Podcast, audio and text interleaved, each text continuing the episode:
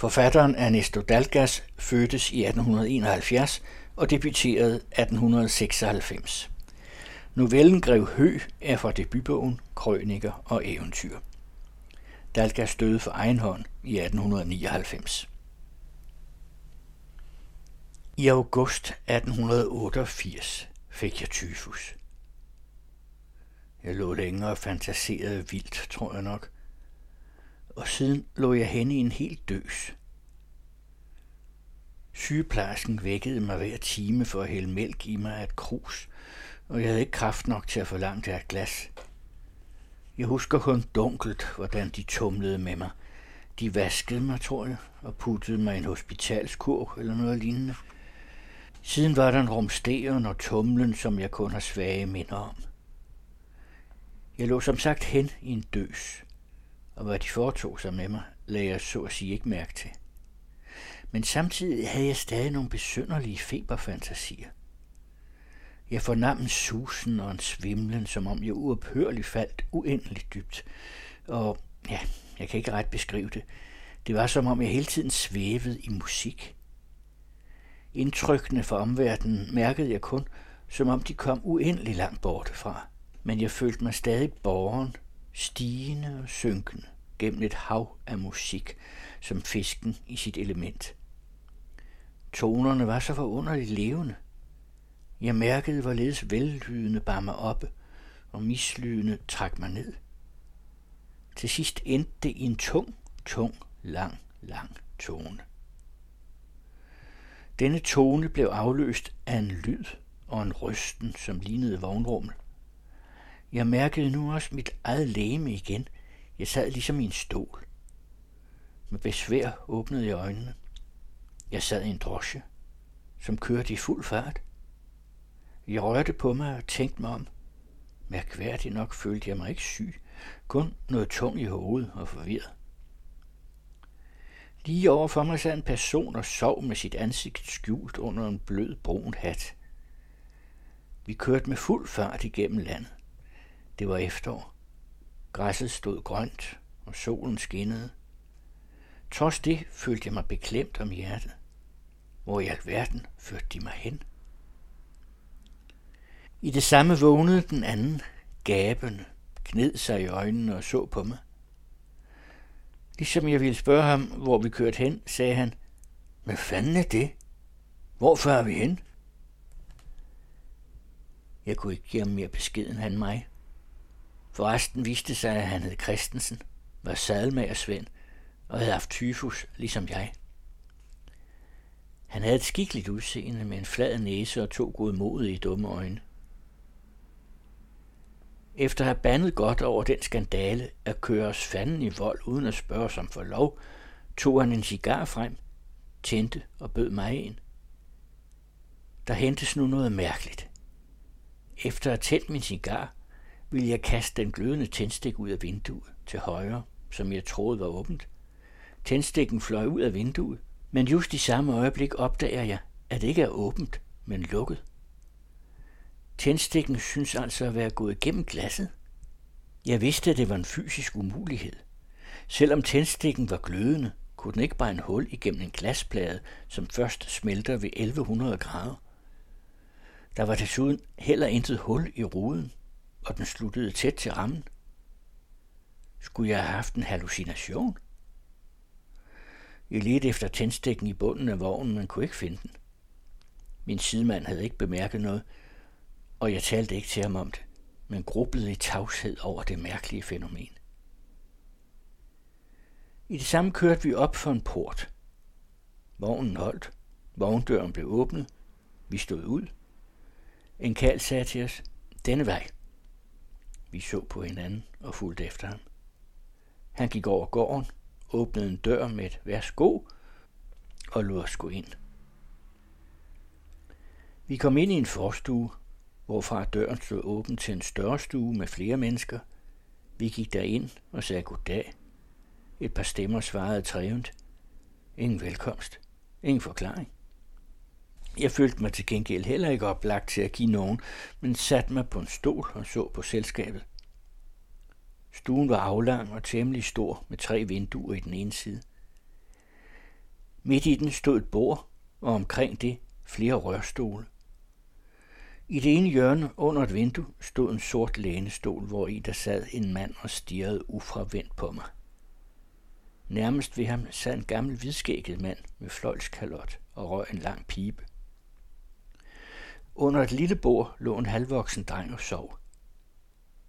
Hvad jeg mest lagde mærke til, var dog to af de besynderligste skikkelser, jeg har set, der spacerede op og ned, hver på sin side af det lange bord. Den ene, en stærkt bygget tyksak med glinsende røde kinder og næse, spankede brummende frem og tilbage og så arret omkring sig. Og hver gang han gjorde omkring, slog han hælene sammen og knyttede næverne. Han var klædt i en kort jakke, der lod hans svulmende bagpart til syne. Den anden var en lang og mager stankelben, klædt i en sort diplomatfrakke, og havde en lang kantet næse og melankolske øjne. Han gik med meget lang skridt, som han gik på stylter, og pussede ofte sin næse med et stort skrald. Jeg kunne ikke lade være at sammenligne de to herrer med tykdjævlen og tynddjævlen i Faust. Men hvad jeg ikke kan beskrive, var den stemning, der som en tung og trykkende luft lå over stuen. Alene det at se så mange mennesker sammen, uden at de førte nogen samtale med hinanden. I stedet for sad de og så på hinanden, som vilde dyr bag jernstænger, synes jeg. Nu rejste den gamle sig og kom hen imod mig. Jeg synes nu, at jeg skulle kende ham. Det var en forhenværende guldsmed fra København. Han brød tavshedens trolddom med de ord. Mm, velkommen til sanatoriet. Altså var det et sanatorium, tænkte jeg ved mig selv. Jeg kendte dem ikke straks igen, sagde han. Øh, nu skal jeg forestille dem for greven. Han førte mig hen til manden i hjørnestolen og forestillede mig for grev Hø. Grev Hø havde en krum næse, vasse øjne og en gråsprængt knibelsbart, som han sad og sugede på. Ligesom jeg begyndte at blive sulten, kom en opvarter ind med frokosten. Vi spiste alle med god appetit, især greven. Han knasede sine tvebakker med nogle sorte tandstumper og gnavede hønsebenene på en måde, der mindede om et rovdyr ved sit måltid. Og da han var færdig, satte han sig til at skære i en prop på en udsøgt ondskabsfuld måde. Drengen derhen under bordet var den eneste, der ikke satte sig til bords, men på en gang kaldte greven, Fix! Fix! Jeg så mig om, men der var ingen hund i stuen. Derimod rejste drengen sig, løb hen til greven og fik af ham tallerken med kød og brød, som han gav sig til at spise ved det lille bord.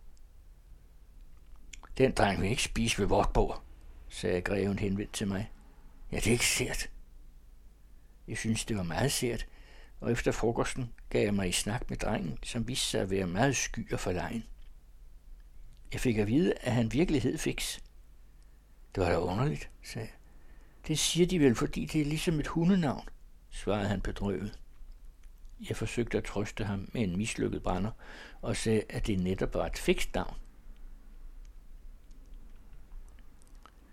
Jeg gik ud for at se mig om. Huset var en rummelig toetages bygning, men der lod ikke til at være flere gæster end os. Det måtte jo også være ud på efteråret. I døren til køkkenet stod en uhyre tyk og rød vært, som jeg ikke fik lyst til at give mig i lag med. Jeg gik ned i haven og derfra ud i en lund, som løb langs en lille fjord. Jo længere jeg tænkte over det hele, des mindre smagte det mig. Den underlige måde, jeg var kommet derned på, uden bud eller brev fra mine slægtninge. Sanatoriets uhyggelige udseende, og især fornemmelsen af at være på urette plads. Just derfor bestemte jeg mig til ikke at spørge mig for, men se om jeg ikke kunne opdage sandheden på en anden måde. På den anden side kunne sanatoriet jo også godt være en almindelig krog. Min tvivl var måske kun sygelige indbildninger. Af disse betragtninger blev jeg revet ud ved synet af efterårets pragt omkring mig. Bøgelunden rejste sine koverfarvede kroner over den tindgrå fjord, men mellem dem skinnede den svoglgule elm.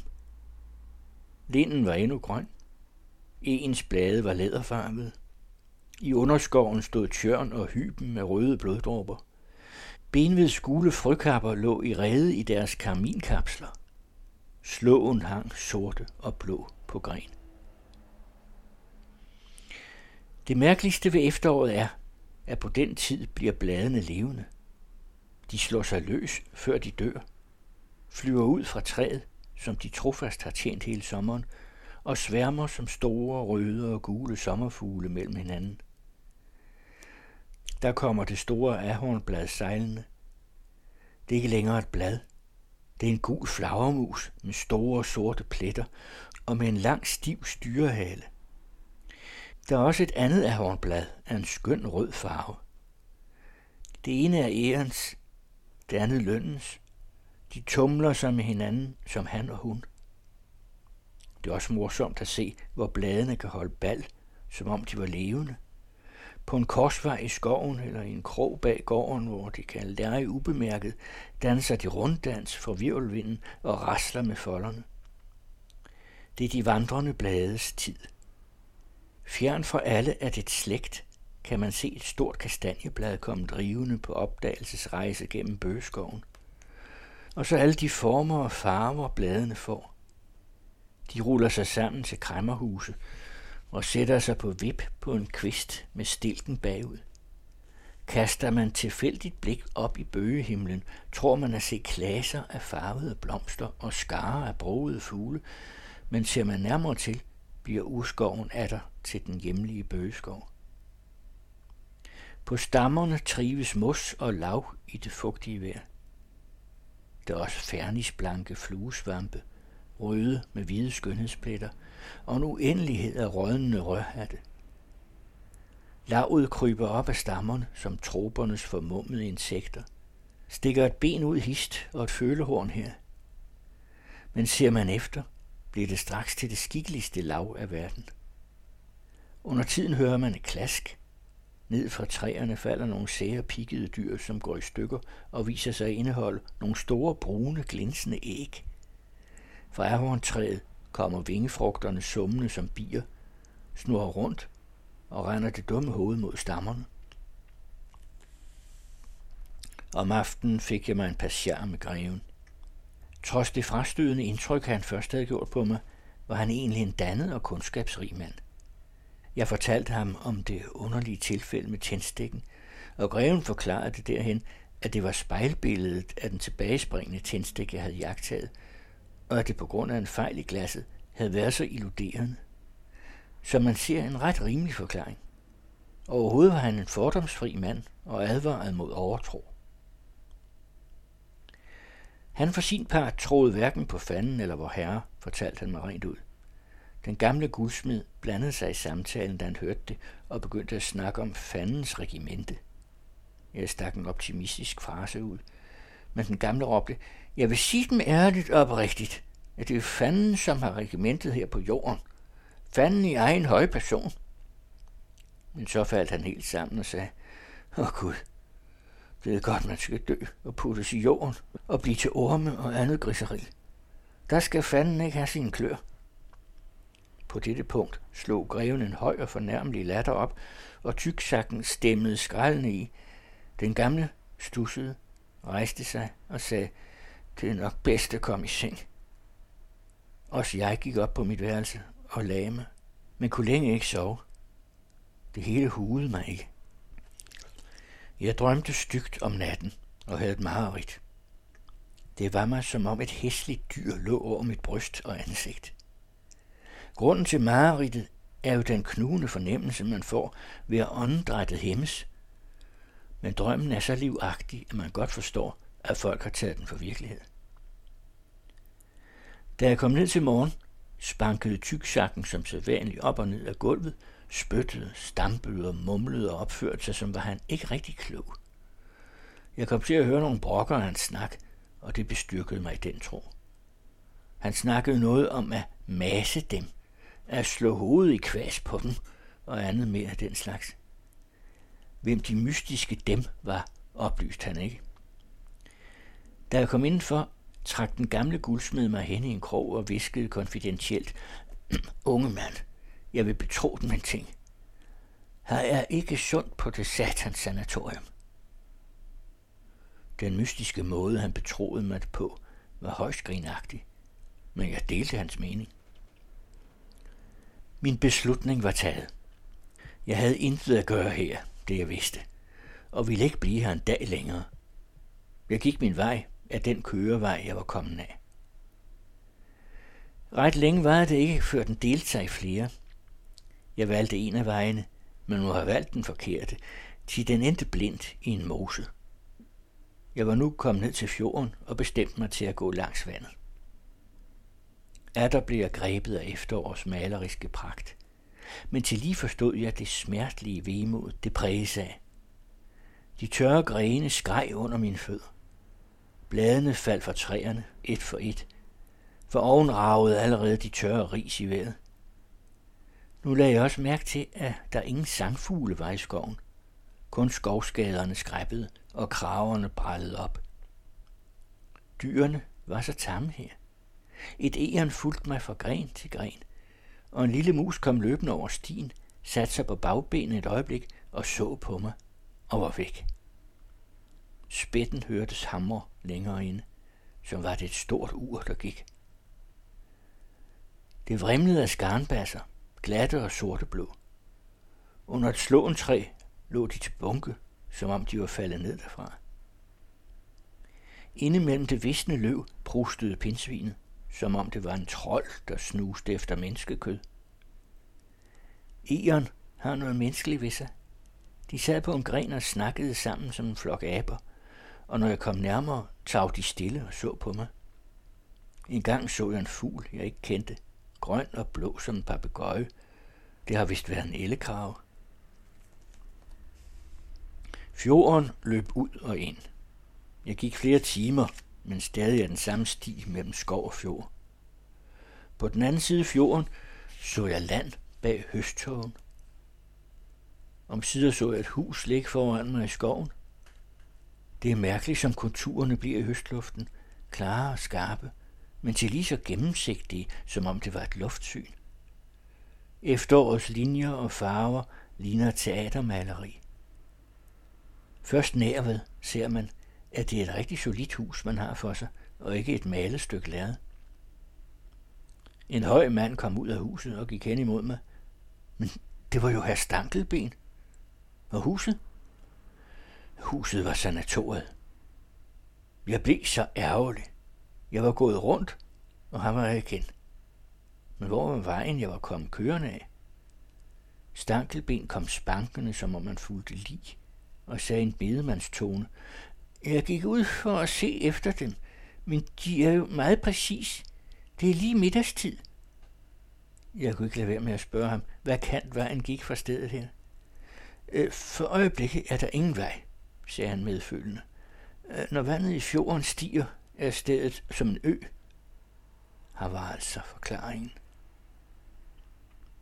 At der kom jeg ind i den gamle uhyggelige stue til den samme tungsindige tavshed. Greven sad i lænestolen med det højre ben over det venstre og kørte rundt med foden, så den vekselvis pegede mod hver af os andre. Og denne bevægelse, der var så regelmæssig som et urværk, fangede og fastholdt mit blik. Greven blev mig mere og mere modbydelig. Vi kom til at tale om dyrebeskyttelse om aftenen, og greven hånlå naturligvis over, hvad jeg sagde. De kalder det måske også dyrplageri, sagde han. Når jeg svider min musegrå hest, eller kuperer min dokke, sagde han med et ondt blik. Hvad, Christensen? spurgte han mod denne, som sad til højre for ham. Nej, svarede Christensen og for sammen, som om han havde fået et piskeslag. Den samtale gav anledning til en uhyggelig drøm, jeg havde samme nat. Jeg flygtede hen ad fjordstien rundt om øen, og efter mig får greven på Christensen i skikkelse af en musegrå hest, og med fix som parforcehund. Nærmere og nærmere kom de. Hunden glammede højt og fulgte min blodige svejs. Jeg skreg højt, men med et dyr stemme, ikke min egen, og inden for skoven svarede et kor af hylende og pipende stemmer, det lød som om alverdens skabninger var i kvide og pine. Jeg snublede og faldt stønnende til jorden, mens hjertet hamrede i mit bryst, og skummet brød frem på mine læber. Greven satte sin fod på mit bryst, flåede og parterede mig, og fix slikket af mit blod. Siden har hver nat plaget mig med hæslige drømme. Snart er det greven, snart tyksakken eller stankelben, som optræder i dem. Greven forfølger mig af fjordstien, sætter sin fod på mit bryst og giver mig fangst. Tyksakken er en rigtig djævel efter den gode altøjflerige manér han sparker mig og spiller bold med mig på sine horn, alt imens han brøler, ræber og stinker så ganske græsligt. Hver gang han giver et godt stød, siger han til sig selv, sådan skal han have det, og går på igen som en gal tyr. Men den værste af dem er Mester Stankelben. Han optræder som min skriftefar og benytter sig til det øje med af en lille tommeskrue, hvormed han presser bekendelsen ud af mig. Efter skriftemålet holder han en længere prædiken for mig om det forkastelige og forarvelige i mit liv, ser på sit ur og siger, mm, hele mand, klokken er mange, nu er vi til forretningerne. Hvorpå han henter et hvidglødende lommejern med udskåret asbesthåndtag op af lommen og siger, jeg vil for denne gang lade noget gå for ret og indskrænke mig til neglen på din lille finger. Og så giver han sig i lav med arbejdet, med en omhyggelighed og en kunstnerisk glæde, som lader mig fortvivle, i det han kæler for den negl og lægger fingeren på sin vortede næse for at overveje hvert strøg, alt imens han forholder mig, at jeg må være standhaftig og taknemmelig, da det er til min sjæls bedste. Han ynder også at eksperimentere med frysemaskiner, elektricitet og syreindsprøjtninger under huden, og han er lige så velbevandret i fysikken som i moralen. Således går mine nætter med hæslige drømme, og derefter kommer den trøstesløse og lange dag. På væggen i samlingsstuen hænger et Bornholmhoved, som går og går. Tik, tak, tik, tak. Men det er ingen viser, og det ur er nær ved at gøre mig gal med sit evige tik-tak. Mine tanker er så svækket, min fantasi så ophidset af onde drømme, at jeg bilder mig ind at se syner ved højlys dag. Forleden bragte opvarteren en ledløs stol ud af vort værelse og satte den forløbig neden for trappen. Da tilfældigt kaster et blik ud af vinduet, hvad ser jeg så? At stolen galopperer tværs over gården til køkkenet, ganske på egen hånd. Men i samme øjeblik jeg så på den, stod den stille. Og en mand kom ud af køkkenet og tog den, så derved viser det sig at have været en øjeblikkelig hallucination. Således fyldes min dag af sansebedrag. Under tiden forvildes jeg til at tro, at alt omkring mig er øjenforblindelse, og at denne ø, jeg er kommet til, er et fortryllet land, hvor naturens orden ikke hersker, undtagen i min indbildning. Når jeg taler det om til greven, ler han med en skærende latter, citerer Voltaire og Strauss og kalder mig et overtroisk og tosset menneske. Stundom falder jeg helt hen i underlige tanker. Der trækker kaprifolien sine ranker til sig for mig, og snebæret bøjer sig med de hvide bær, når jeg går forbi. Der visker hver lille gren til mig, træd mig ikke, og hver blomsterblad, pluk mig ikke. Ja, når jeg sidder ved bordet, visker brødet til mig, spis mig ikke. Og stolen, sid ikke på mig. Der drømmer jeg mig en korsfæstet verden, hvor dødens ånder herrer. Blæsten farer hudene gennem skoven og slår blindt mellem de skælvende planter. Nattefrosten kryber igennem den og snimyrter de spæde spiger. Og udenom lidelsens ø går dødens kolde dyb, det stille vand. Fjernt ude skimter jeg livets kyster, men det ser ud, som om de hver dag rykker længere bort, indtil vi bliver ene i verdenshavet på den fortryllede ø. Og dog ønsker jeg at være som en af disse skælvende plantesjæle, frem for at føre den tilværelse, jeg fører. Til den største pine for mig er, at jeg ikke tør tale til nogen om disse hæslige drømme og de underlige fantasier. Men uagtet de er blevet mit inderste liv, går jeg under en trolddom, der tvinger mig til at fortsætte det daglige og banale liv i sanatoriet og tale i den samme konversationstone. Under tiden føler jeg lyst til at råbe ud, hvad dette sted hedder, og hvem der regerer her. Men der tvinger sig frem over mine læber en af disse vamle bemærkninger om vejr, teater og litteratur, og mens min sjæl vanker ensom på vanvidets afgrund under lidelsens svøbe, taler min tunge tomme ord med greven, og jeg hører den gamle guldsmed fortælle, at han snart skal dø og blive til ormer, imens en tæt tåge svæver over mine tanker, og evighedsuret går, og grevens fod kører rundt da skriger i min sjæl som et angstfuldt spørgsmål. Hvem er Grev Hø? I hørte Grev Hø af Ernesto Dalgas.